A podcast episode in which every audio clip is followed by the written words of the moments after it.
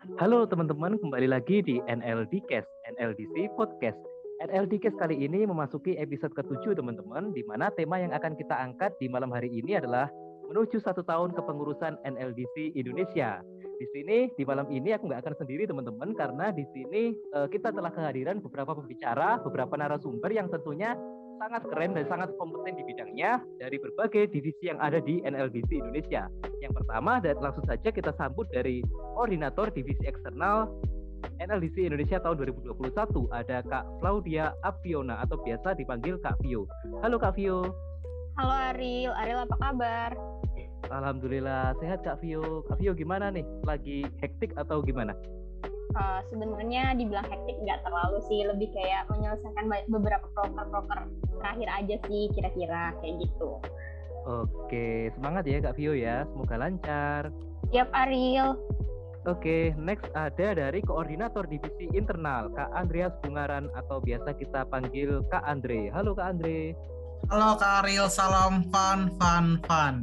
Oke, selalu fun ya Kak Andreas ya. Ini ya, selalu fun dong. Kenapa? Patah hati kah Kak Andreas? Uh, sedih aja sih kan analisis udah mau kelar jadi kayak ngerasanya aku bakal rindu sama analisis Indonesia sih. Oke, gitu ya kalau emang divisinya dapat divisi yang bagus gitu ya emang ya. Itu kan hasil kerja keras dari semua staff lah gitu. Oke, keren banget nih. Thank you Kak Andreas sudah hadir yeah. di sini. Um, terus ada lagi koordinator dari divisi HPDD, ada Kak Fani Khalifatu atau bisa kita panggil Kak Fani. Halo Kak Fani. Halo Kak Ariel. Oke, lagi sibuk apa nih Kak Fani? Uh, aku lagi ikut kegiatan magang sih. Oke, keren banget nih pasti kayak apa ya? Uh, bisa mempraktekkan ilmu-ilmunya gitu ya Kak ya di magang gitu. Iya, alhamdulillah. Oke, semoga lancar ya Kak Fani ya. Siap. Oke, uh, next ada uh, dari salah satu staf divisi DPO atau Dewan Pengembangan Organisasi. Di sini ada Kak Dwiki Rosidi atau dipanggil Kak Dwiki. Halo Kak Dwiki. Halo Kak Ril. Oke, apa kabar nih Kak Dwiki? Alhamdulillah uh, sehat-sehat aja nih. Kak Ril sendiri gimana kabarnya?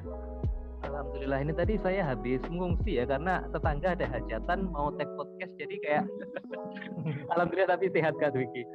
Oke. Okay.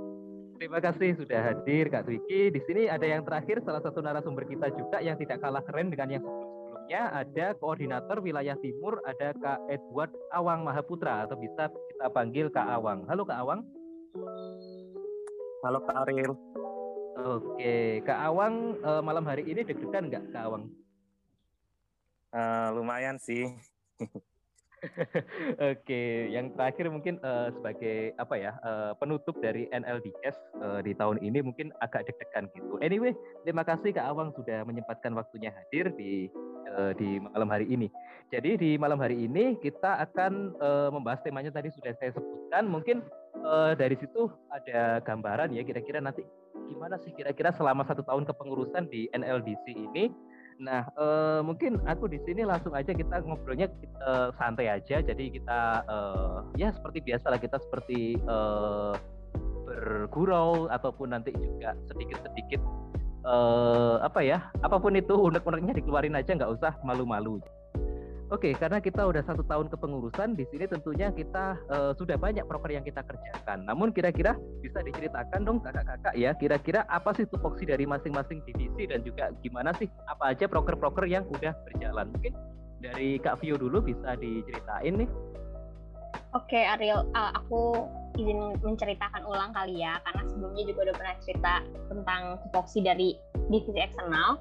Nah, divisi eksternal ini kayak lebih membuat program kerja buat memperkenalkan NLDC, NLDC sih ke halayak luar atau kayak lebih jadi tempat brandingnya organisasi kita sendiri. Terus pokoknya intinya uh, divisi eksternal itu lebih ke berhubungan ke arah luar sih kayak gitu.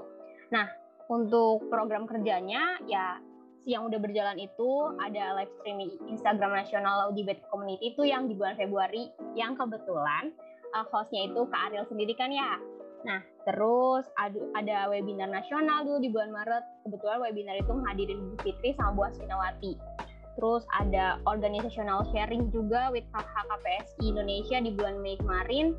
Terus ada juga workshop NLDC Indonesia di pertengahan Juni kemarin kalau nggak salah sama proker andalan ini nih, proker NLDC Cast atau uh, biasanya proker proker ini tuh uh, kolaborasi sama HPDD, jadi eksternal yang memuat isinya nanti HPDD yang menjalankan teknis kayak mengedit dan lain-lainnya. Pokoknya nanti urusannya belakangannya sama NL, sama HPDD kayak gitu.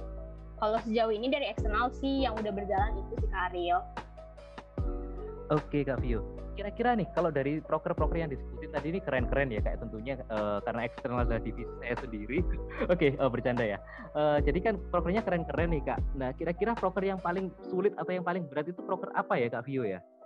Uh, sebenarnya kalau dibilang paling sulit, semuanya sulit nggak yang bercanda. Uh, lebih ke workshop kali ya, karena workshop ini ada di tengah-tengah kehetikan kita masing-masing. Terus juga kita udah bukan banyak sih tapi kita udah menjalankan beberapa proker yang mana udah menguras tenaga nih terus kayak pokoknya workshop itu uh, sulit karena memang nge-reach-nya susah sih intinya itu cuman kalau untuk ya karena kita jalannya have fun kali ya kayak yang dibilangin Mas Andreas kayak have fun aja fun fun aja dulu kayak gitu jadi kayak nggak terlalu sulit lah seperti itu oke okay. oke okay, thank you Kak Vio uh, sepertinya eksternal cukup lancar ya uh, di kepengurusan ini meskipun ada beberapa kendala mungkin tapi uh, bisa terlaksana dengan baik. Anyway, uh, kita lanjut ke narasumber selanjutnya. Di sini ada Kak Fani. Di sini kan karena kita tahu sendiri kalau uh, ada NLD Cash tadi sempat disinggung ya. Salah satunya yang berkontribusi adalah dari divisi HPDD dan tentunya HPDD ini divisi yang tidak pernah berhenti karena tentunya banyak sekali desain yang harus di, uh, dimatangkan, dikeluarkan untuk di uh, diposting gitu ya. Kira-kira uh, Kak Fani nih bisa dijelaskan apa aja nih kesibukannya uh, atau mungkin proker yang udah berjalan selama di HPDD Kak Fani? Iya, uh, tadi benar sih yang dijelasin oleh Vio. Kita ada kerjasama dengan eksternal nih, uh, analisis podcast. Jujur aku juga biasanya uh, ada yang record tapi sekarang ikut ngomong bareng ke Ariel, bareng eksternal dan yang lain. Jadi kalau selain NLD Cast ini juga kalian bisa lihat langsung juga sih yang megang Instagram atau media sosialnya NLDC itu anak HPDD. Jadi bener kita tuh nggak kayak seperti uh, divisi lain yang ada pasti rapat uh, bikin program kerja rapat. Kita nggak ada. Kita justru kalau rapat bisa kalian ya dihitung jari karena kita tuh langsung kayak kerja kerja kerja kayak buat uh, ngedesain langsung jadi nggak ada yang rapat mungkin uh, yang udah dilaksanain itu kayak kemarin mungkin uh, kelas desain. Nah itu kelas desain baru kita ada rapatnya baru benar hal beda dari anak-anak HPDD yang biasanya ngedesain. Ya tiap malamnya ini harus rapat kan diskusi jarang banget kayak gitu. Terus yang udah dilaksanain mungkin yang eh, kalau udah tuh pasti NL kelas desain tapi yang udah dilaksanain tuh pasti berjalan kan. HPDD kan sampai akhir pengurusan masih tetap berjalan kayak event recap NLDC Congrats yang bareng, bareng sama internal juga.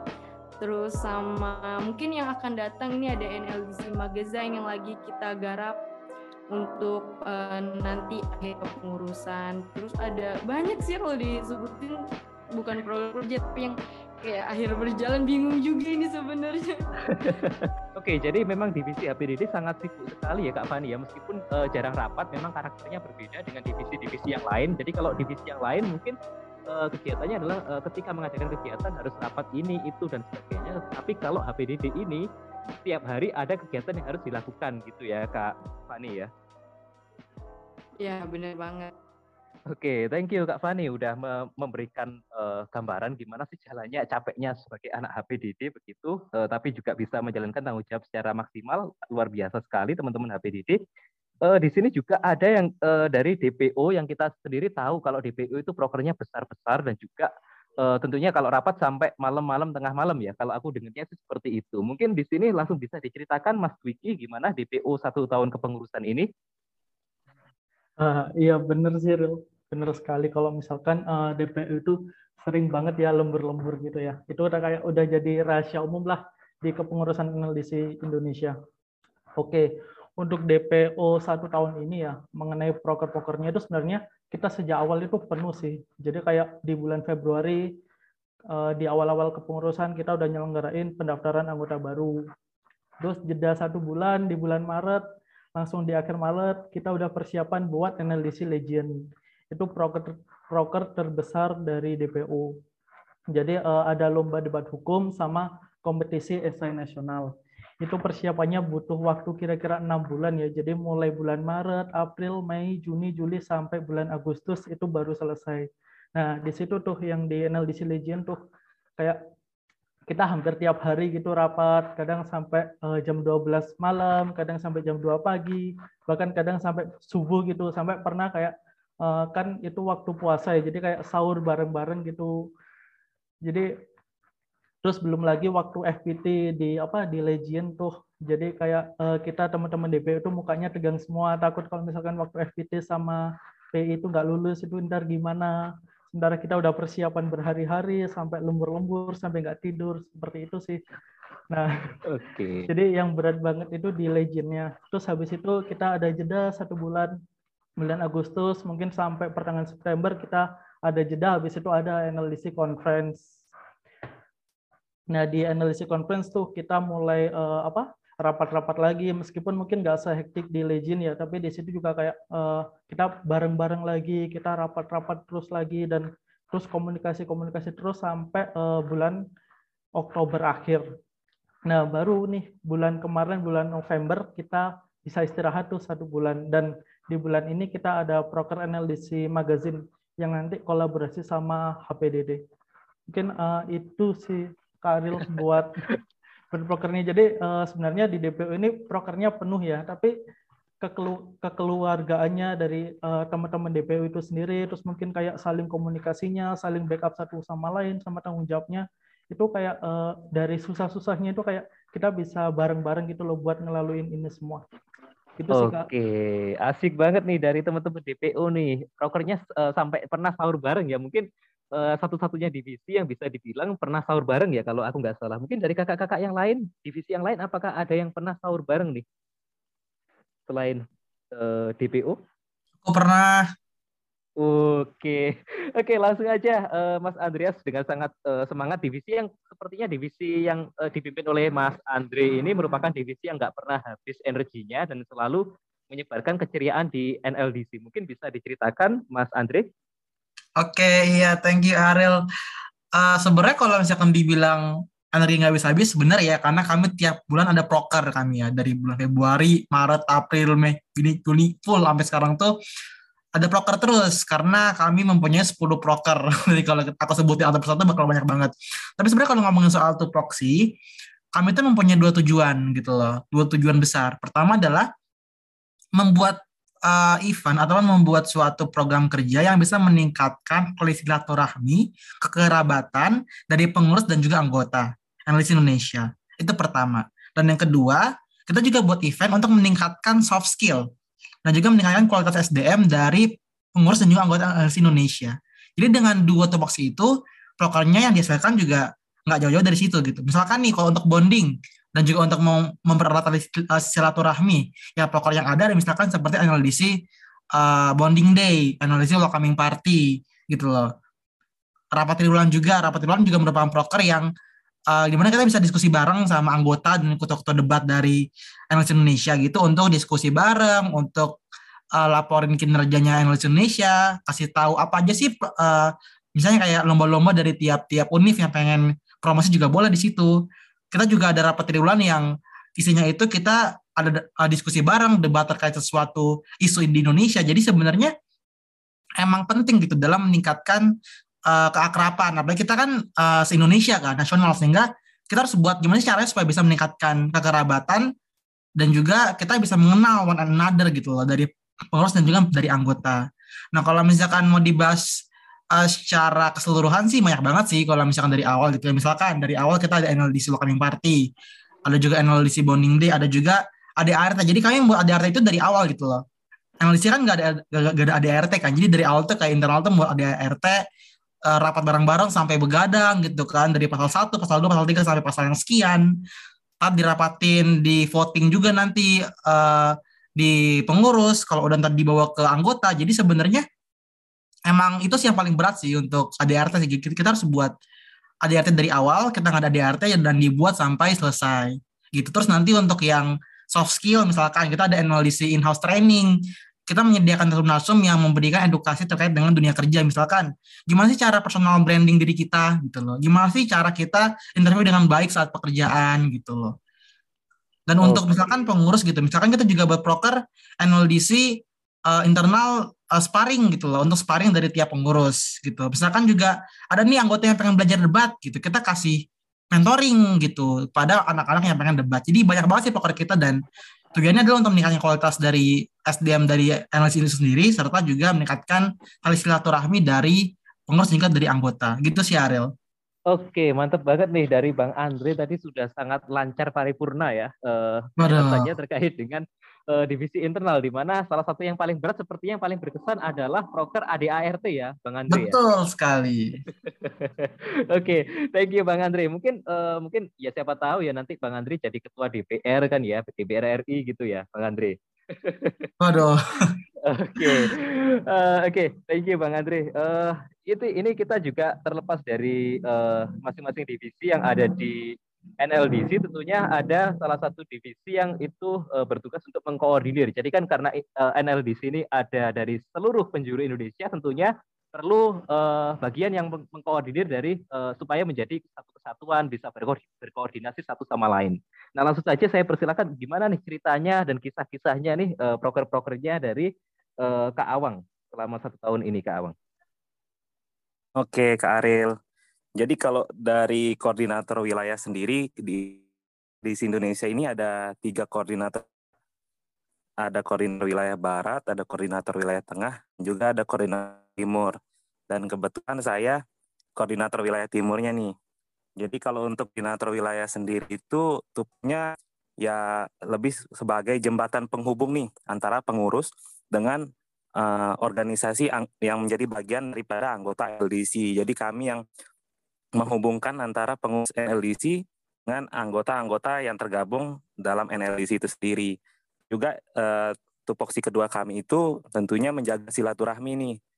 Tadi kalau ke Andreas kan internal silaturahminya eh, secara menyeluruh. Kalau kami khusus di wilayah kami masing-masing, khususnya seperti saya yang menjaga silaturahmi dan organisasi-organisasi wilayah timur. Uh, untuk program kerja sendiri yang telah kami selenggarakan selama satu tahun kepengurusan NL di sini cukup banyak juga ya kak. Mulai dari yang pertama itu kami uh, mengadakan monthly meeting nih kak. Jadi tiap bulan itu uh, di wilayah timur sendiri kami tetap mengadakan pertemuan dengan para ketua-ketua organisasi. Jadi dari pertemuan itu kami saling sharing terkait baik itu terkait dengan hambatan-hambatan organisasi masing-masing ataupun apa saja yang akan dilakukan di organisasi masing-masing, ceritakan tentang daerah-daerah masing-masing juga. Selain daripada monthly meeting juga kami tiap tiga bulan sekali itu kak tetap mengadakan jaring aspirasi namanya kak. Jaring aspirasi itu jadi kami siapkan uh, form Google Form untuk menampung aspirasi-aspirasi dari anggota-anggota uh, khususnya di wilayah kami masing-masing. Jadi di situ para anggota bisa sampaikan keluh kesahnya ataupun penilaiannya juga terhadap kita, pengurus, dan juga mungkin saran-saran untuk ke depannya. Dan juga untuk wilayah timur sendiri, Kak, kami juga mengadakan pojok diskusi hukum nih. Pojok diskusi hukum khusus untuk anggota-anggota wilayah timur. Jadi kemarin misalkan kami bahas tentang RUU PKS. Nah, terkait itu mungkin kami uh, saling berbagi ilmu, pendapat, argumen terkait dengan isu yang kami bahas. Selain daripada itu juga untuk meningkatkan silaturahmi dan juga untuk menambah wawasan nih untuk di wilayah timur sendiri kami juga pernah mengadakan lomba cerdas cermat nih kak. Nah lomba cerdas cermat ini sebenarnya lomba seru-seruan aja sih di uh, wilayah timur uh, dalam rangka memperingati 17 Agustus waktu itu. Jadinya uh, itu kami selenggarakan saat 17 Agustusan kayak gitu kak. Oke, keren banget nih. Jadi uh, memang uh, sangat sentral sekali ya peran yang dilakukan dan juga harus inovatif ya Kak Awang ya untuk programnya ya. Ya betul Kak, betul. Oke, Uh, anyway, uh, tentunya Kak Awang selama jalannya satu kepengurusan ini tentunya uh, dengan proker-proker yang seperti itu dan juga tanggung jawab yang uh, melekat pada divisi Kak Awang nih kira-kira uh, apa sih kak sebenarnya? Apakah ada hanya senang hanya ada senangnya saja tidak ada susahnya atau sebetulnya juga ada senang dan keluh kesahnya kak? Mungkin bisa diceritakan kak Awang uh, susah senangnya di NLDC ini? Iya kak. Tentunya ada saja ya kak senang dan susahnya saya cerita dari mana dulu nih kak dari senang atau susahnya dulu nih Ya, dari Sabang sampai Merauke, sembarang. Terserah, Kak Abang. ya, dari susahnya dulu lah ya, Kak. Jadi susahnya itu sih uh, karena anggota di koordinator wilayah sendiri juga sangat sedikit gitu, Kak. Saya sendiri di koordinator wilayah timur dan juga koordinator wilayah yang lain itu hanya berdua. Jadi hanya koordinator wilayah dan juga wakil koordinator wilayah. Jadi kami menyelenggarakan semua-semuanya itu ya melalui pemikiran berdua dan kerja keras berdua saja kayak gitu. Kalau untuk susah yang lain sih nggak ada sih. Lebih banyak senang-senangnya kan. Senangnya itu kami bisa saling berkomunikasi ataupun bisa saling berkenalan juga dengan organisasi-organisasi lain, para para ketua maupun sekretarisnya juga kami bangun komunikasi dan juga tentunya kami bisa nambah-nambah ilmu lah kak karena sering banget kan kami adakan kayak sharing session, monthly meeting mereka di sana saling berbagi ceritanya lah. Kalau untuk senangnya juga sih sangat luar biasa bisa bergabung dengan orang-orang hebat kepengurusan NLDC gitu kak, menambah relasi dan juga pengalaman saya.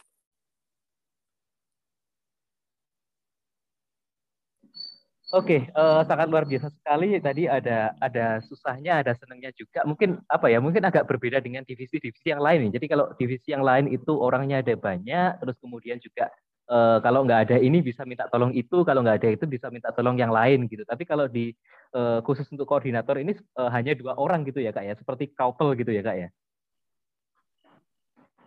Iya, couple Kak.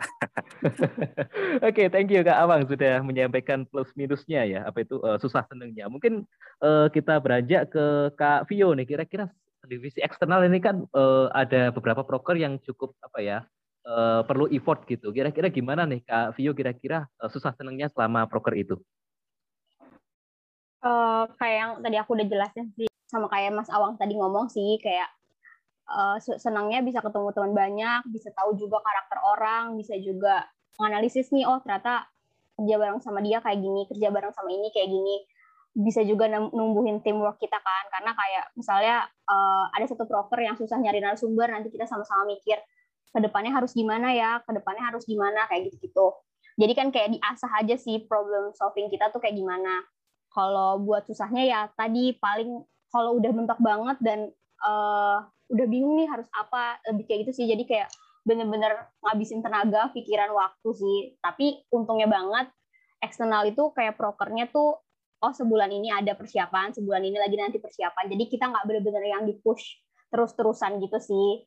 Misalnya terus kita juga alhamdulillahnya nggak yang sampai misalnya berhari-hari banget atau sampai pagi gitu nggak ada alhamdulillahnya. Jadi susahnya ya masih bisa diatasi lah dari senangnya tadi yang ketemu teman banyak kayak gitu.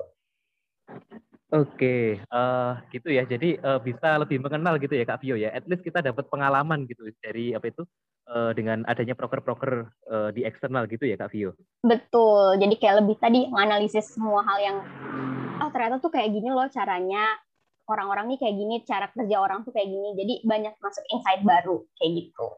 Oke, thank you Kak Vio sangat uh, memberi insight baru ya tentunya gimana sih sebenarnya uh, kalau kita itu uh, belajar dalam suatu organisasi. Jadi kita itu uh, mendapatkan hal-hal baru yang sebelumnya kita mungkin nggak tahu gitu. Jadi uh, lebih uh, seperti sharing antar anggota, kemudian juga uh, sharing pengalaman satu sama lain yang tentunya itu bakalan meningkatkan keterampilan kita untuk ke depannya. Uh, anyway, di sini ada divisi yang sekiranya uh, hanya uh, sering ya, tanda kutip sering tampil di balik layar gitu, jadi uh, tidak terlihat secara langsung, jarang terlihat secara langsung, tapi uh, berperan sangat penting untuk publikasi terutama. Uh, di sini ada divisi HPDD, itu uh, apakah selama jalannya satu kepengurusan dengan target yang uh, kerja kerja kerja itu, apakah uh, sesusah itu atau bagaimana, Kak Fani? Uh, karena kita di balik layar pasti adalah susah dan senangnya sama juga mungkin kayak Vio dan kayak Mas Awang. Cuma lebih kalau susahnya pasti anak KPD kayak satu suara tuh revisi. karena uh, revisi kita tuh bisa sampai 8 kali revisi bolak-balik revisi itu tuh banget kayak pasti sambat sama anak PDD yang kayak duh revisi lagi revisi lagi kayak nggak kelar-kelar gitu kan sampai sekarang itu sih kayak susahnya pasti revisi itu. Sama mungkin kalau selain revisi ada kayak ketidaksinkronan misalnya antara revisi A dan B. Jadi ya bingung kita kadang di situ sih. Yang pasti ya susahnya tuh di revisi tapi karena revisi ini kadang kita bisa dijadi bahan candaan. Jadi karena senangnya di situ sih. Karena anak anak-anak HPDD itu uh, walaupun nggak kelihatan ya kayak misal nggak kurang menonjol misal di pengurus lain Uh, tapi anak KPD semua kayak satu suara karena ada yang receh, yang lucu, jadi kayak menghibur satu sama lain gitu. Oke, okay. uh, eh, oh jadi apa ya? Uh, sebetulnya tanpa tanpa diketahui divisi lain, tapi kayak anak-anak HPDD itu punya selera humor gitu ya kak ya, selera humor yang cukup cukup tinggi ya kak Fani. Iya, bener banget. Iya sih, kalau bagi kita iya. Tapi nggak tahu ya, mungkin kalau kayak misal Mas Andres yang fun, fun, fun gitu. Oke, okay. uh, eh, sepertinya kita sudah mulai melihat uh, persaingan antara divisi APDD dengan divisi internal. Bercanda. Oke, okay, uh, eh, anyway, ada satu lagi sepertinya yang tertinggal tadi disebutkan oleh Kak Fani, yaitu deadline Kak Fani. Tadi belum sebutin nih. Kendalanya dari HPDD. oh, kendalanya ya kendala dari HPDD mungkin. Itu sih karena revisi itu mungkin kendala kita yang aku bilang tadi ketika ada revisi di PI misalnya terus ada revisi lagi di divisi lain dan itu berbenturan kita jadi bingung sendiri sih. Atau kita udah menyelesaikan revisi itu ternyata balik lagi ke awal kayak buat apa direvisi kan kalau misalnya balik lagi ke awal gitu. Itu sih mungkin kendalanya mungkin kayak komunikasi ke uh. yang lain itu aja. Oke, okay, thank you Kak Fani. Uh, tadi sudah uh, kita mendengarkan uh, pembicaraan dari uh, orang di balik layar gitu ya. Oke, okay, selanjutnya kita uh, akan mendengarkan tadi yang sempat disinggung oleh Kak Fani yang fun, fun, fun gitu. Oke, okay, uh, Kak Andri, gimana nih kira-kira uh, senang dan keluh kesahnya selama satu tahun kepengurusan atau menjalankan proker ini, Kak Andri? Mungkin aku akan uh, ini ya bakal sedikit bijak sedikit ya sekarang ya biar kelihatan okay. lebih keren. Oke, okay, oke. Okay. Senangnya itu adalah ketika kita buat proker, terus setelah kita buat proker itu kita ngelihat para peserta itu pada ketawa gitu loh. Para, para partisipannya pada ketawa, pada senang, pada uh, apa namanya ceria lah. Itu ngebuat kayak ada kesenangan tersendiri dari divisi internal kayak oh berarti proker kita berjalan dengan baik nih gitu. Atau misalkan dalam hal kita buat proker yang ningkatin soft skill, ternyata banyak nih yang dapat uh, insight nih gitu partisipannya. Kayak misalkan oh dengan gue ikut ini gue ikut mentoring gue bisa banyak mempunyai kemampuan skill yang lebih dari, dari berdebat gitu loh. Senang melihatnya ketika program kita itu memberikan dampak kepada pengurus dan juga kepada anggota dari analisis Indonesia. Itu senangnya sih. Terus yang ketiga mungkin lebih arah gini sih kayak kita kalau rapat itu kan bisa sampai 4 jam kan. Kenapa? Karena banyak kan gibahnya daripada rapatnya jadi seneng gitu kayak bisa gibah bisa ngobrol-ngobrol bisa komunikasi gitu bisa canda-canda gitu. Jadi itu sih senangnya sih. Kalau misalnya sedihnya uh, ini sih kalau misalkan kami cenderung banyak banget proker. Misalkan nih bulan Januari proker A belum kelar persiapannya bulan Februari proker B. Belum kelar Februari proker C bulan Maret. Kayak ini kapan istirahatnya gitu kapan selesainya. Jadi kadang capek sih kalau untuk usahanya. Jadi gara-gara kita harus buat proker yang terus-menerus tiap bulan sehingga persiapan pun akan minim. Itu yang ngebuat capek. Terus yang kedua terkait dengan proker dadakan. Nah, ini boleh gibah sedikit gak sih? Boleh ya? Oke, soalnya Tanya juga boleh gak? Apa -apa, itu sering memberikan proker-proker dadakan. Misalkan ada proker namanya NLDC Internal Debating School gitu loh. Dan dalam waktu dua minggu, kita harus buat program kerja mentoring, kita harus cari 6 mentor di NLDC, harus cari partisipannya, harus buat acara tiga hari gitu loh. Dalam waktu dua minggu. Aku pikir kayak ini proker dadakan dan kita kerjain itu dengan maksimal gitu dan ternyata maksimal Tapi kan ya persiapan dadakan dan juga mungkin kaget juga. Staff-staff juga mungkin nggak kayak ngerasa kok tiba-tiba ada proker baru sih. Itu sih tapi belajar bahwa ya kalau misalnya kita kerjainnya semua dengan uh, as a team gitu loh berusaha dengan uh, kerja keras dengan uh, dengan teamwork, maka semua proker pun akan terlaksana dengan baik. Itu sih kalau dari aku. Lumayan bijak ya, aku ya. Terima kasih banyak. Hahaha. Oke, thank you Bang Andre. Oke, jadi ternyata Bang Andre ini memiliki dua sisi ya, dua kepribadian. oh, enggak enggak. Uh, di satu sisi bisa uh, bisa fun fun fun, tapi di sisi lain juga bisa bijak seperti Mario Teguh. Oke. Okay. Oh, Nanti soal berikutnya bakal aku fun kok. Ini tadi bijak doang sedikit, ntar kalau soal berikutnya bakal fun gitu. Oke. Okay. udah udah dirancang ya sama Kak Andre. Iya, betul ya? betul. Ganti-gantian lah.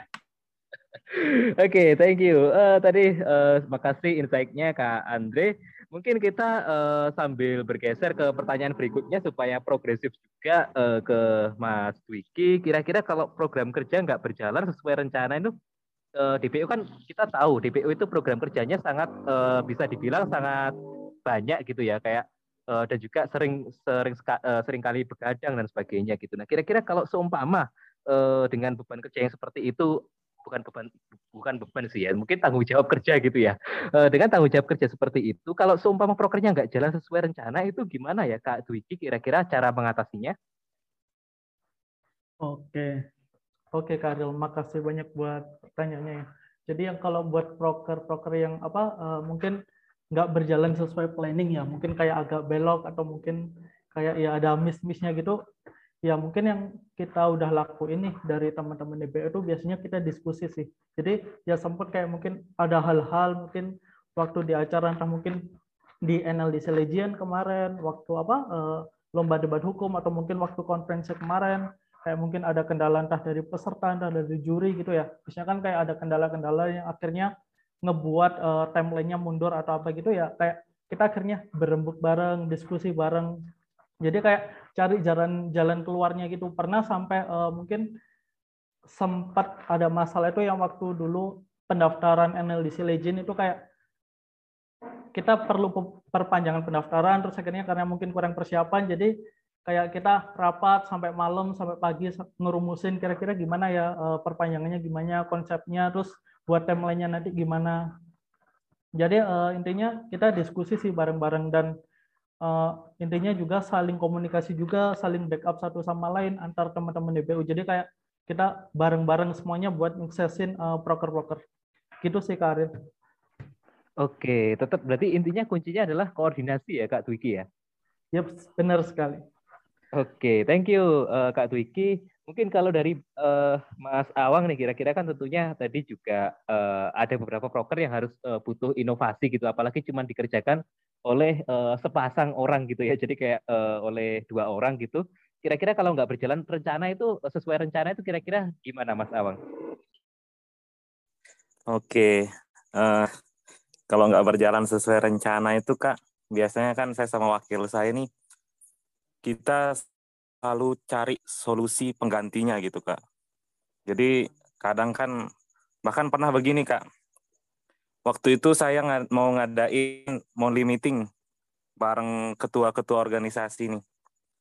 Itu sudah disampaikan dari tiga hari yang lalu. Tapi pas pelaksanaan, itu kan kita sudah uh, ajak juga nih, ayo join, join, join, kayak gitu.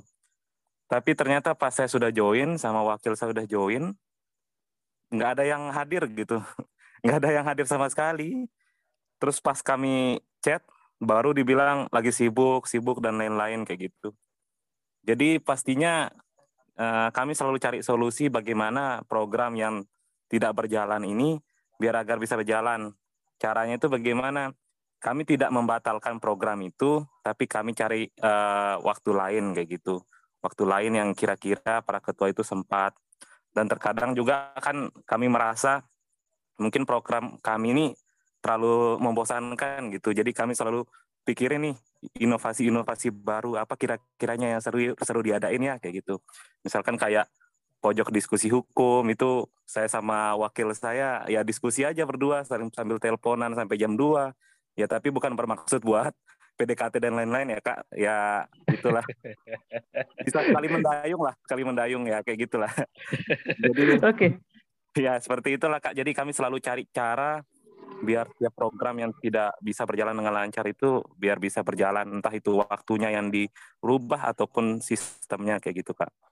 Oke, tapi ini kita patut curiga ya kita uh, uh, pendengar ya teman-teman pendengar patut curiga karena cuma dua orang gitu loh, dua orang teleponan lah.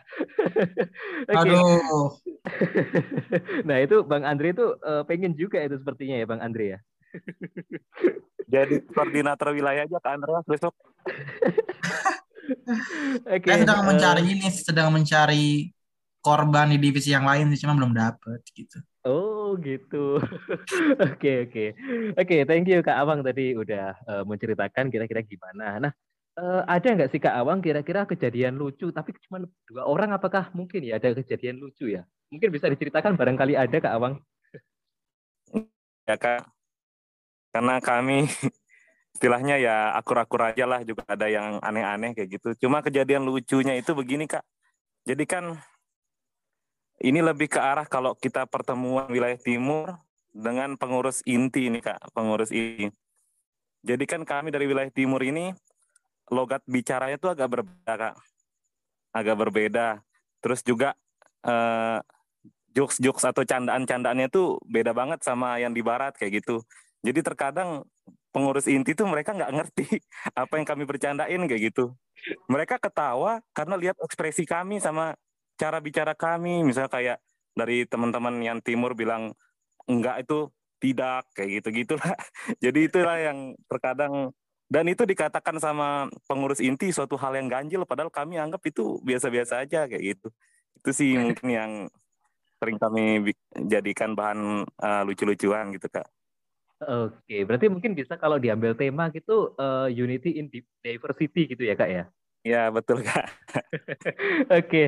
thank you kak uh, Awang tadi sempat menceritakan. Karena kalau dua orang itu yang yang ada itu bukan lucu tapi romantis gitu.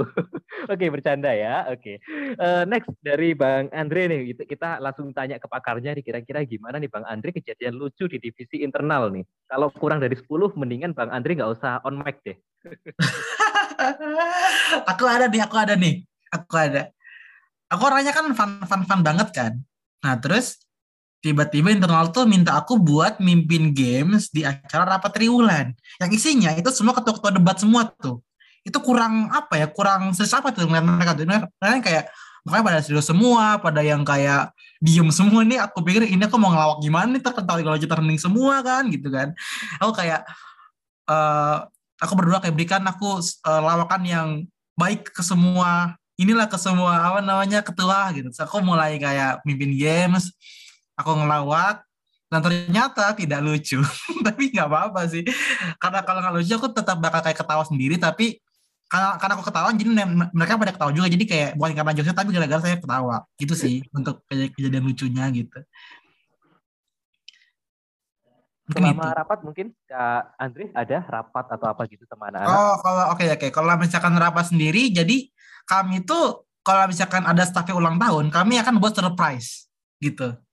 Jadi nanti misalkan nih uh, Yara nih staff internal ulang tahun, kita buat surprise nih misalkan nih kita kayak buat plan kayak ntar kita kerjain si Yara ya gitu ntar di zoom kita bilang eh ini si Andreas sama Salina berantem nih gara-gara debat divisi gitu ya udah terus si Yara join zoom aku sama Salimna debat debat debat terus kita kayak nyalin uh, si Yara kayak bilang Yara kan kerjanya gak bener nih kamu kerjanya uh, apa namanya nggak sesuai dengan prosedur nih gitu marah-marahin. Terus si Yara kayak nangis gitu.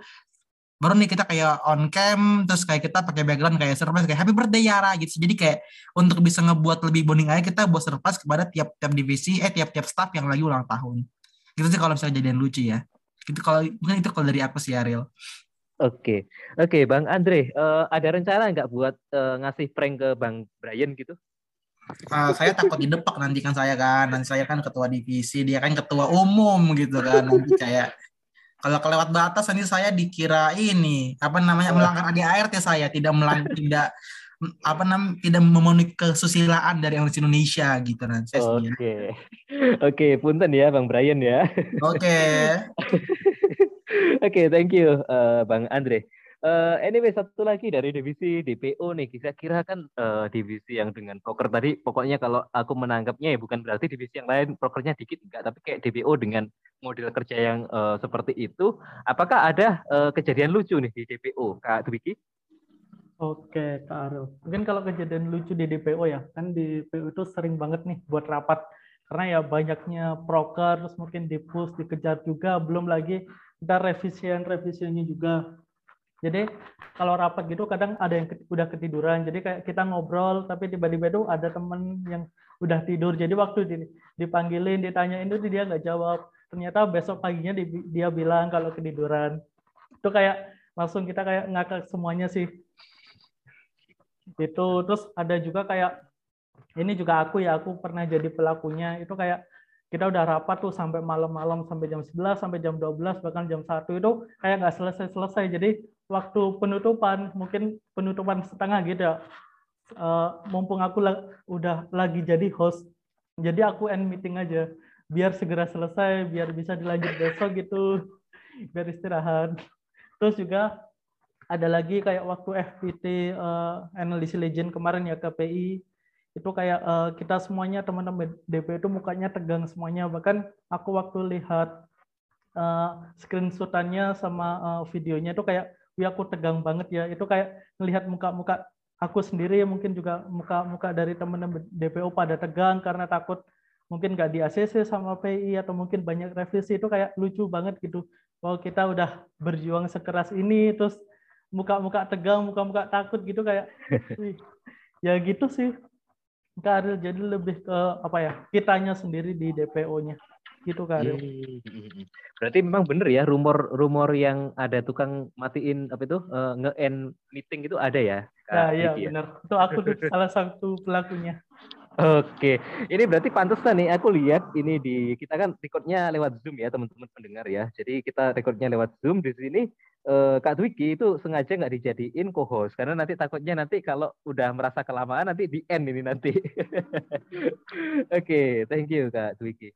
Uh, next mungkin kita lanjut ke Kak Fani. Jadi Kak Fani uh, ini dari divisi HPDD ya. Kira-kira apa sih kesulitan yang Kak Fani rasakan nih kira-kira selama menjadi koordinator dari uh, divisi desain yang uh, isinya kerja-kerja-kerja gitu. Mungkin bisa diceritakan Kak Fani?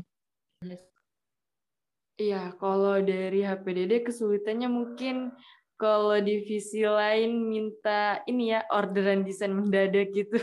Itu jujur kayak kalau aku sih kayak ya oke okay, ditanya dulu ya kan, tapi yang teman-teman kayak staff-staff aku tuh kayak oh, deadline-nya berapa? Tinggal berapa, Pak? Oh my god kayak itu benar kayak agak sulit sih bagi kita kayak ada uh, desain dadakan itu. Karena walaupun kayak udah dibuat nih dari awal banget kepengurusan SOP tapi ada yang minta hamin dua.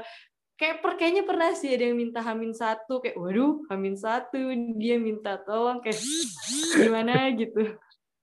Kayak ntar uh, kita mikirinnya sebenarnya kita nggak apa-apa kalau nggak ada revisi. Cuman kan revisi ya teman-teman juga tahu nih pengurus-pengurus tahu lah gimana uh, revisinya PI yang tiada tara. jadi seperti itu kalau uh, ada orderan desain yang mendadak tuh jadi kita oh waduh gitu. gitu oh, uh, berarti itu tipsnya dari kalau dari Kak Fani selaku koordinator itu untuk menghadapi kesulitan itu sering-sering uh, apa ya uh, nongol di grup gitu ya Kak Fani ya? Kalau kesulitan menghadapinya tuh mungkin uh, ngomong baik-baik ke divisi lain kali ya.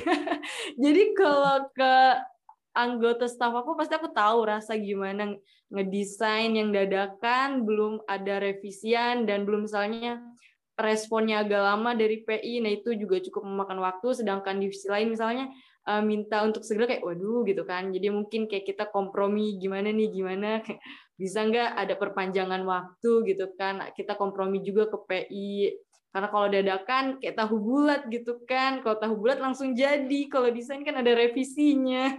Gitu sih. Oke okay, thank you kak Fani. Sudah sambil sambil curhat juga nggak apa-apa ya kak ya di akhir kepengurusan iya, Oke, okay. uh, eh, kalau dari Kak Vio nih gimana nih kira-kira sebagai koor uh, apakah nanti adakah anggotanya yang uh, mungkin uh, mengkoordinirnya perlu cara khusus atau mungkin gimana gitu Kak Vio bisa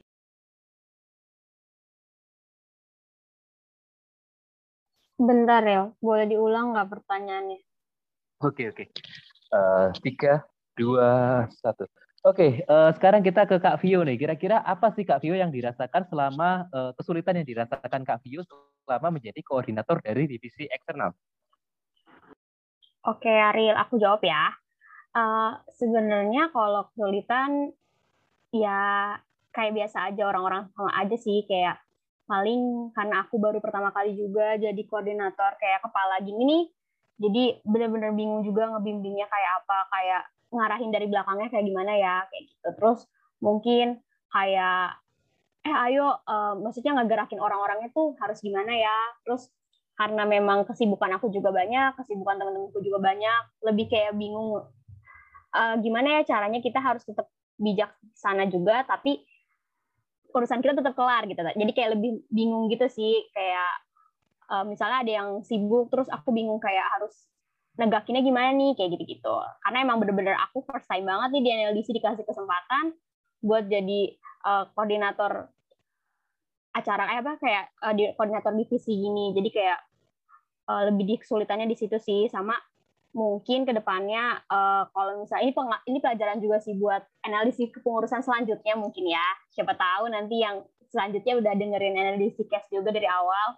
Nah mungkin kalau misalnya itu nanti lebih diatur aja kali ya waktu sibukannya sama kayak aku juga karena aku empat bulan terakhir ini emang udah sibuk banget juga kayak gitu kesulitannya lebih kayak berputar di kesibukan bicara ng apa ngarahin orang-orangnya sama cara dari diri aku sendiri sih gimana cara ngebawa pembawaan akunya kayak gitu Riel. Oke Vio. Anyway, uh, gimana sih pengalaman apa aja ya kira-kira yang udah didapetin sama Vio selama menjadi bagian dari uh, kepengurusan NLDC ini? Kan kita kan udah uh, satu hampir satu tahun gitu ya. Kira-kira bisa sharing nih Kak Vio apa aja pengalaman yang didapetin? Oke, kalau sejauh ini pengalaman yang aku dapetin banyak banget ya karena kan aku di kampus nggak yang terlalu terjun banget di organisasi ya biasa aja gitu terus pas masuk NLDC itu bener-bener banyak banget pengalaman emas nih kayak aku uh, gimana cara ngatur pertama banget buat diri aku ya cara ngatur waktu cara ngatur orang-orang kayak misalnya ngarahin orang-orang yang kayak tadi aku bilang.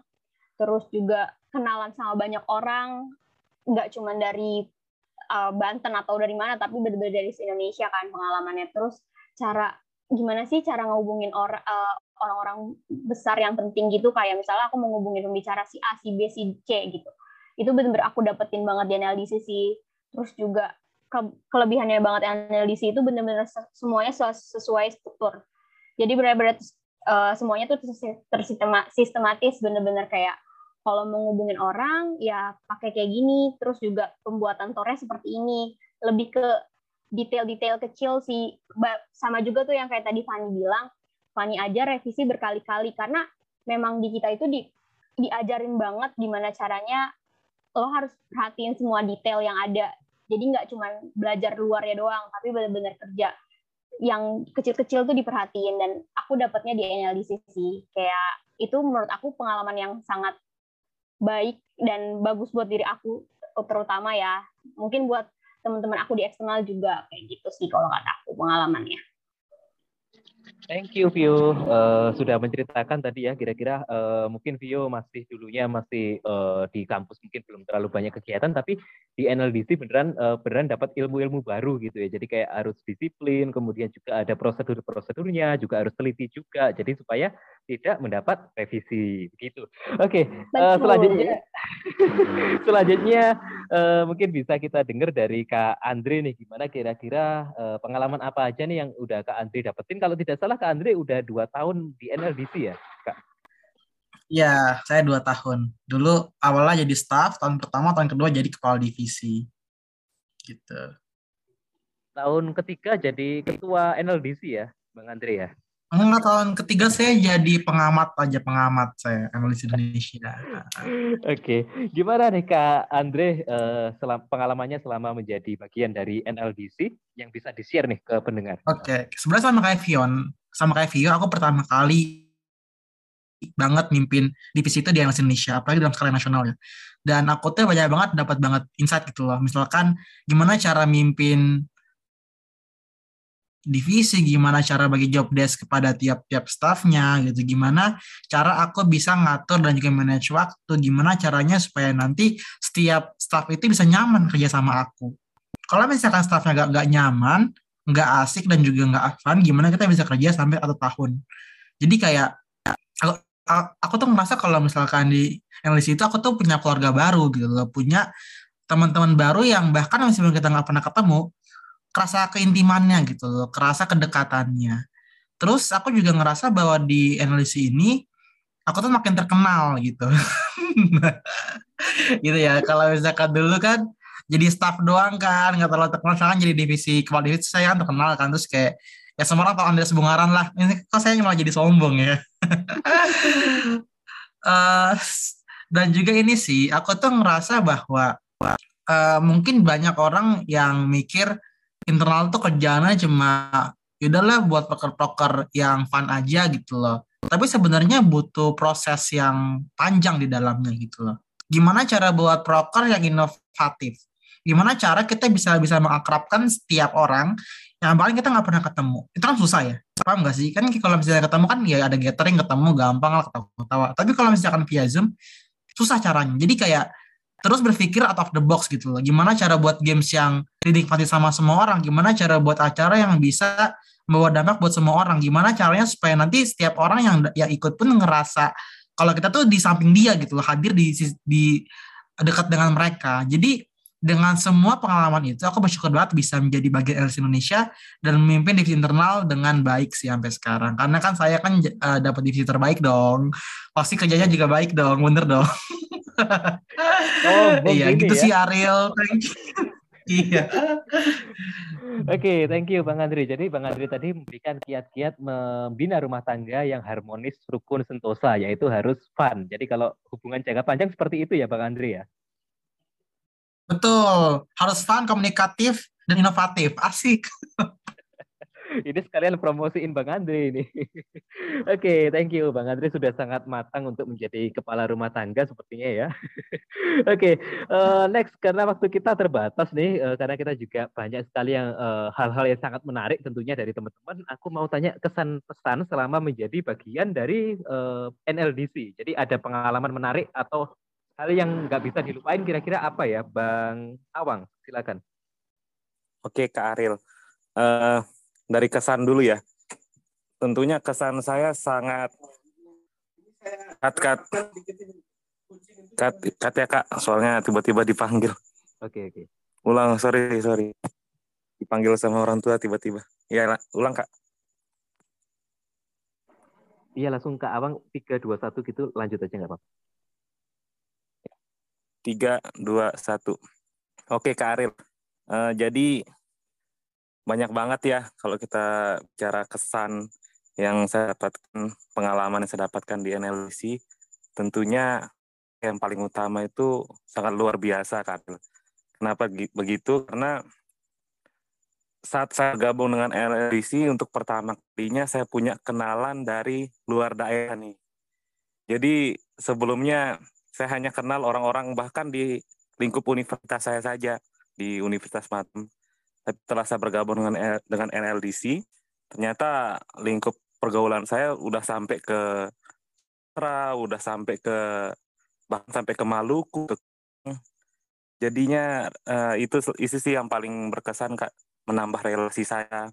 Tentunya juga dari NLDC banyak belajar juga kayak sama seperti Fani tadi yang mengatakan uh, bahwa di NLDC itu terstruktur banget, mulai dari TOR, terus juga seperti misalnya redaksi yang harus benar-benar uh, bagus gitu, bukan uh, asal-asalan. Itu sih yang saya pelajarin. Dan tentunya juga di NLDC uh, saya banyak mendapatkan uh, ilmu juga karena kakak-kakak di sini sangat luar biasa ya bisa saling berbagi ilmu juga ke saya. Saya juga memiliki pengalaman, uh, memiliki pengetahuan baru juga tentang debat dari orang-orang hebat. Dan terakhir, kalau pesan sendiri, semoga NLDC Indonesia semakin lebih baik ke depannya, lebih progresif daripada tahun ini, dan juga saya berharap agar NLDC Indonesia selalu solid serta juga setiap organisasi debat yang ada di yang tergabung dalam NLDC bisa semakin memberikan kontribusi juga buat organisasi atau komunitas Indonesia ini. Itu mungkin Kak Ariel, makasih. Amin, amin. Makasih Bang Awang. Ini uh, anyway luar biasa sekali ya yang diceritakan oleh Bang Awang tadi. Banyak hal-hal yang didapatkan, pengalamannya juga uh, dapat kenalan baru juga relasi ya. Mungkin aku minta tolong diklarifikasi dong Kak Awang. Maksudnya relation relationship ini gimana Kak Awang? Relationship dengan dengan pengurus atau enggak enggak? Oke, okay, uh, bercanda ya. Uh, thank you Kak Awang. Uh, mungkin bisa di ceritakan dari Kak Dwiki gimana nih kira-kira kesan pesannya selama menjadi bagian dari pengurus NLDC di tahun 2021 ini dan juga apa sih pengalaman hal menarik yang nggak bisa dilupain dari Kak Dwiki? Oke, makasih banyak Kak Aril. Mungkin buat kesan dan pesannya ya juga mungkin nyambung pengalamannya.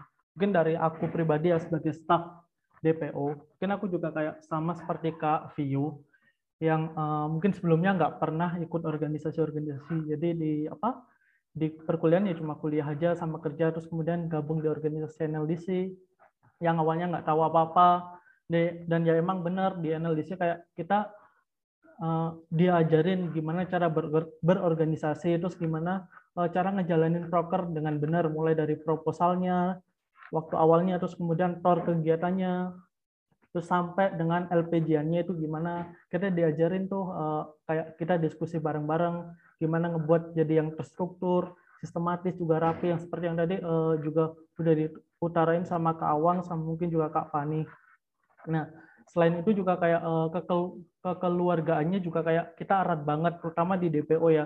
Jadi yang awalnya dulu pertemuan pertama kita kayak nggak kenal satu sama lain, ketemu awalnya kayak awak apa awak buat momen kayak saling lihat-lihatan aja ini siapa ini siapa. Terus kayak uh, karena juga kita sering rapat terus sering ada revisian gitu ya. Lama-lama kayak kita deket terus mungkin perhatian satu sama lain kayak misalkan ada yang sakit diperhatiin atau apa gitu. Jadi yang kayak sebelumnya nggak ada yang perhatiin di DPO ada yang perhatiin. Kayak gitu. Terus juga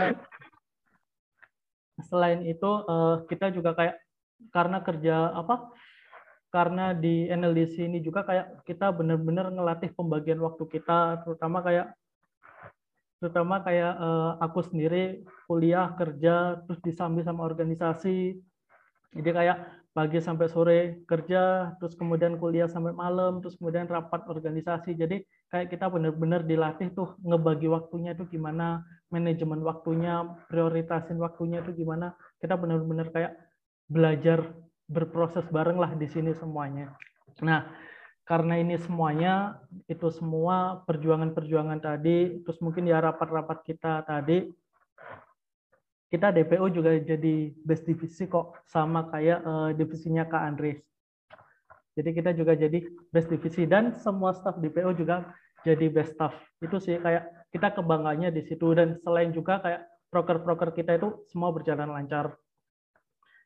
Ya alhamdulillah seperti itu. Terus kemudian mengenai pesannya ya, mengenai pesannya ya uh, semoga ke depannya NLDC itu semakin baik lagi di tangan pengurus-pengurus yang akan datang. Terus kemudian jadi rumah bagi uh, teman-teman pengurus dan semoga proker-proker DPO mungkin kayak NLDC Legion, terus mungkin NLDC Conference itu bisa terlaksana lagi dan ada tambahan lagi proker-proker yang uh, ngebuat wow lah dari NLDC itu sendiri. Mungkin itu sih uh, Kak Aril. Oke, ini sepertinya Kak Dwiki ini senang sekali ya mendapatkan perhatian di TPO ya. Oke, anyway uh, persaingan sudah semakin ketat ya teman-teman uh, pendengar. Jadi tadi ada HPDD, ada internal, juga ada sekarang DPO gitu ya. Saling saling hebat-hebat gitu. Tapi anyway ini cuma bercanda ya, enggak. Semuanya keren sekali yang ada di NLDC. Sangat luar biasa sudah berkontribusi satu tahun kepengurusan ini. Anyway, uh, sampailah kita ke pertanyaan terakhir karena kita juga sudah hampir satu jam, sekitar satu jam kita berbincang-bincang. Di sini adalah uh, untuk penutup ya, uh, buat penutup kita uh, mau tanya kira-kira apa sih insight yang bisa uh, dari kalian kasih buat pendengar yang barangkali tertarik buat gabung menjadi bagian dari uh, pengurus NLDC di periode selanjutnya. Jadi sekalian promosi nih teman-teman. Mungkin dari Kak Fani dulu silahkan. uh, kalau uh, kayak semacam promosi kalau dari aku mungkin benar yang tadi udah dijelasin sama Andreas, sama Vio, sama Duki, sama Mas Awang itu tuh di analisis itu benar-benar ngelatih keorganisasian, ngelatih hal-hal kecil pun perlu diperhatikan banget. Bahkan mungkin dengan belajar di kalau di HPD dengan ada revisian tuh benar ngelatih desain kita, ngelatih skill desain kita tuh menjadi lebih bagus gitu. Itu sih jadi benar-benar mantap. Oke, itu tadi dari Kak Fani. Sekarang dari Bang Andre silakan. Gimana Bang Andre? Kebetulan aku banyak dibilang sama orang kalau aku tuh S3 promosi ya. Gitu. Jadi ini akan jadi promosi yang sangat persuasif ya dari saya ya. Jadi gini, uh, analis itu merupakan dewan analis organisasi yang aku rasa itu paling erat kekerabatannya. Yang kalian nggak akan temuin dari organisasi yang lain gitu. Dan kalau kalian pengen jadi organisasi yang kerjanya juga terstruktur gitu loh, bisa ngembangin diri juga, bisa akrab juga, bisa fun juga, hanya di analis Indonesia saja yang bisa kalian rasakan dan kalian dapatkan perbedaan ataupun ciri khas yang gak dimiliki oleh organisasi lain, yaitu kekerabatan, kekeluargaan, dan juga pengembangan dirinya di analis Indonesia. Terima kasih dari aku. Oke, Cie. Oke, Cie dia baga Iya, baga-bagain hanya NLDC Indonesia. Oke, tapi emang beneran ya Kak Andre ya, emang luar biasa di sini kita profesional iya, ada tapi kekeluargaan tetap ada gitu ya. Betul. Oke, selanjutnya dari Kak Awang nih, kira-kira gimana nih Kak Awang untuk uh, kes apa itu uh, mungkin insight-nya kira-kira buat pendengar nih kira-kira yang tertarik buat gabung NLDC kira-kira apa? Kak Awang silakan. Oke Kak, Jadinya uh, teman-teman sekalian, pastinya kalau teman-teman sudah menjadi bagian dari keluarga besar NLDC, pasti itu menjadi suatu momen yang luar biasa dan nggak akan terlupakan dan tentunya akan bermanfaat buat masa depan teman-teman juga. Karena di organisasi ini kita bakal da banyak dapat banyak hal. Kayak yang saya sampaikan tadi dan kakak-kakak yang lain sudah sampaikan kita dapat pengalaman kita dapat relasi kita dapat ilmu masih banyak lagi dah pokoknya. Jadinya kalau misalnya kakak-kakak sekalian join di NLC itu bakal menjadi momen yang bisa dikatakan akan dikenang lah sampai ke depannya dan pastinya kakak-kakak sekalian juga bakal kangen lagi untuk menjadi pengurus ketika sudah dimisioner besok. Itu sih mungkin Karil. Baik, terima kasih Kak Awang. Uh, bakalan kangen ya Kak Awang ya uh, dengan momen-momen ketika satu kepengurusan isinya dua orang begitu Kak Awang. bercanda, bercanda. Oke, okay, uh, eh, next uh, Kak Awang sangat profesional sekali dalam menjalankan tugasnya. Next uh, ada Kak Vio. Silakan Kak Vio. Sebenarnya semuanya udah diutarain sama Andre sih. Jadi kayak hmm, aku mau ngomong apa ya? Intinya ya kurang lebihnya sama kayak Andreas bilang, Mas Awang bilang, Fanny bilang. Uh, pokoknya yang di sini bakal jadi wadah berorganisasi yang paling baik sih. Jadi langsung masuk aja deh ke NLDC. Kapan sih pembuk uh, pembukaannya? Nanti ya Januari ya Andre ya. Pokoknya terus dipantengin aja. Gitu teman-teman. Oke, terima kasih Vio. Uh, Wiki, silakan kalau mau menambahkan, silakan. Oke, oke, makasih Kak Aril. Mungkin kalau dari aku kebalikan dari uh, Kak Andre ya, yang katanya S3 promosi aku sendiri nggak bisa ya promosi-promosi seperti itu. Tapi mungkin uh, aku mau nyampein aja buat teman-teman di luar sana yang mungkin masih ragu, masih bimbang buat gabung NLDC Indonesia ya. Mungkin uh, dari cerita aku pribadi dari awal yang aku nggak tahu, nggak pernah ikut organisasi sama sekali, kemudian masuk di sini dan kayak diajarin banyak hal di apa ya mungkin ada suka dukanya, ada susah senangnya, tapi berproses bareng-bareng Terus selain itu uh, dapat kekeluargaan juga, banyak teman-teman dan juga relasi-relasi baru. Jadi kita nggak nggak hanya dapat soft skillnya aja, tapi kekeluargaannya juga dapat. Dan pastinya uh, kalau nanti udah demis, tentu ya kayak kita bakal apa ya ngerinduin gitu momen-momen kayak rapat-rapat bareng atau mungkin ngejalanin proker bareng atau mungkin bonding-bonding atau ketemu uh, mungkin Kak Andre, Kak Vio, Kak Fani dan juga Kak Awang bakal ngerinduin sih momen-momen seperti itu dan mungkin bagi teman-teman uh, ayo gabung di NLDC Indonesia mari uh, silakan berproses, silakan berjuang dan jangan lupa pilih divisi pengembangan organisasi. Mungkin dari aku itu sih Karil. Baik, uh, yang terakhir itu kok ada apa ya? Itu tadi kok tanda kutip kok jangan lupa pilih DPO gitu ya. Oke, okay, thank you, thank you, uh, Dwiki. Baik, uh, kita nggak terasa udah berbincang-bincang. Sebenarnya terasa ya, jujur aja terasa ini saya. Oke, okay, tapi sangat seru sekali ya ngobrol sama teman-teman. Ya, meskipun topiknya jujur berat banget ya, kita bawainnya, kita ngobrolnya tadi sangat substansial sekali. Nggak ada yang uh, ada yang kapas, nggak ada yang kosong gitu ya. Tapi anyway, kita sudah uh, bisa melaluinya dengan baik. Juga makasih banyak teman-teman sudah hadir kakak-kakak di sini dari Eh, ketua-ketua divisi, koordinator divisi, uh, dan juga koordinator wilayah. Ada Kak Fani, terima kasih, Kak Awang, Kak Andreas, uh, ada juga Kak Vio, dan juga uh, Dwiki yang mewakili divisi DPO. Terima kasih atas kehadirannya. Uh, sampai jumpa teman-teman. Terima kasih banyak. Terima kasih banyak, Ariel. Oke, bentar, bentar. Sorry, uh, jangan live dulu ya. Sebentar, uh, di-cut dulu mungkin.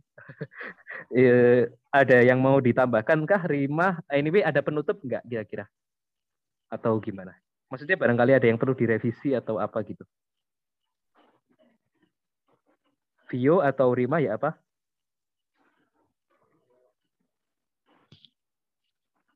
Halo?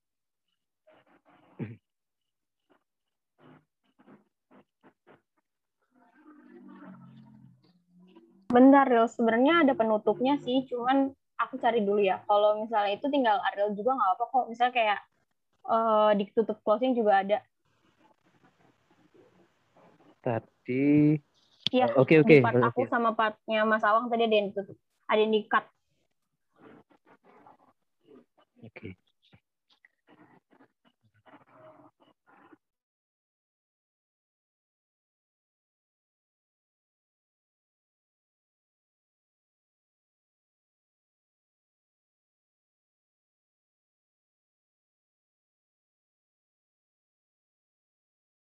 Sebentar ya teman-teman, uh, kakak-kakak ini kita masih nunggu dari dia barangkali. Dia mau masuk soalnya, barangkali ada yang mau dikasih. Uh, real kalau memang itu nggak apa-apa sih nanti uh, oh. ditutup langsung aja nanti bagian yang closing uh, ada tuh nanti pakai NLDC cash gitu-gitu kayak yang tadi okay. itu nggak apa-apa nanti itu mah terakhir aja sama Ariel aja. Kalau mau di closing bener-bener di closing nggak apa-apa. Aku masih nyari yang script buat uh, bukan script sih tapi kayak kata-kata buat penutupnya. Hmm, ini berarti dari teman-teman kakak-kakak koordinator yang lain udah aman ya berarti ya, fix clear gitu ya?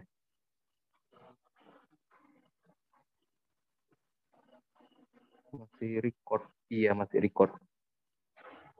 Ya udah, uh, mungkin ya jadi nggak jadi nanti kita kita serahkan ke yang maha kuasa. Tapi anyway, mohon maaf tadi ya teman-teman kakak-kakak uh, karena uh, mungkin tadi kayak uh, sempat terkendala juga tadi mau geladi tapi nggak jadi terus juga uh, ternyata di luar dugaan tiba-tiba musiknya dikencengin kan ya. Uh, harus nunggu beberapa menit mohon maaf buat teman-teman uh, atas ketidak ketidaknyamanannya. Tapi anyway terima kasih banyak ya udah hadir. Uh, terima kasih. Sehat selalu guys. Nah gimana tadi siapa siapa siapa yang yang gibah paling paling banyak tuh siapa Andreas ya? Eh, nggak ada Baik, uh, demikian tadi sangat luar biasa tadi kita perbincangan kita. Terima kasih kepada seluruh narasumber yang sudah hadir di sini. Ada Kak Vio dari divisi eksternal, kemudian juga ada Kak Andre dari divisi internal, ada Kak Fani dari HPDD, dan juga ada Kak Dwiki dari DPO, dan yang tidak ketinggalan juga ada Kak Awang dari Koordinator Wilayah Timur. Terima kasih banyak kepada kakak-kakak sekalian atas kehadirannya di NLDC Cast episode ketujuh ini, yaitu menuju satu tahun kepengurusan NLDC Indonesia. Saya Ariel Ciptadi Darmawan, mohon maaf apabila selama saya membawakan acara bersama kakak-kakak koordinator tadi mungkin ada salah kata atau mungkin ada hal-hal yang kurang berkenan. Mohon dimaafkan ya teman-teman. Saya mohon pamit undur diri. Terima kasih atas perhatiannya. Sampai jumpa di NLDC Cast tahun selanjutnya. Jangan lupa teman-teman buat nge-follow Instagram NLDC Indonesia. Terima kasih teman-teman.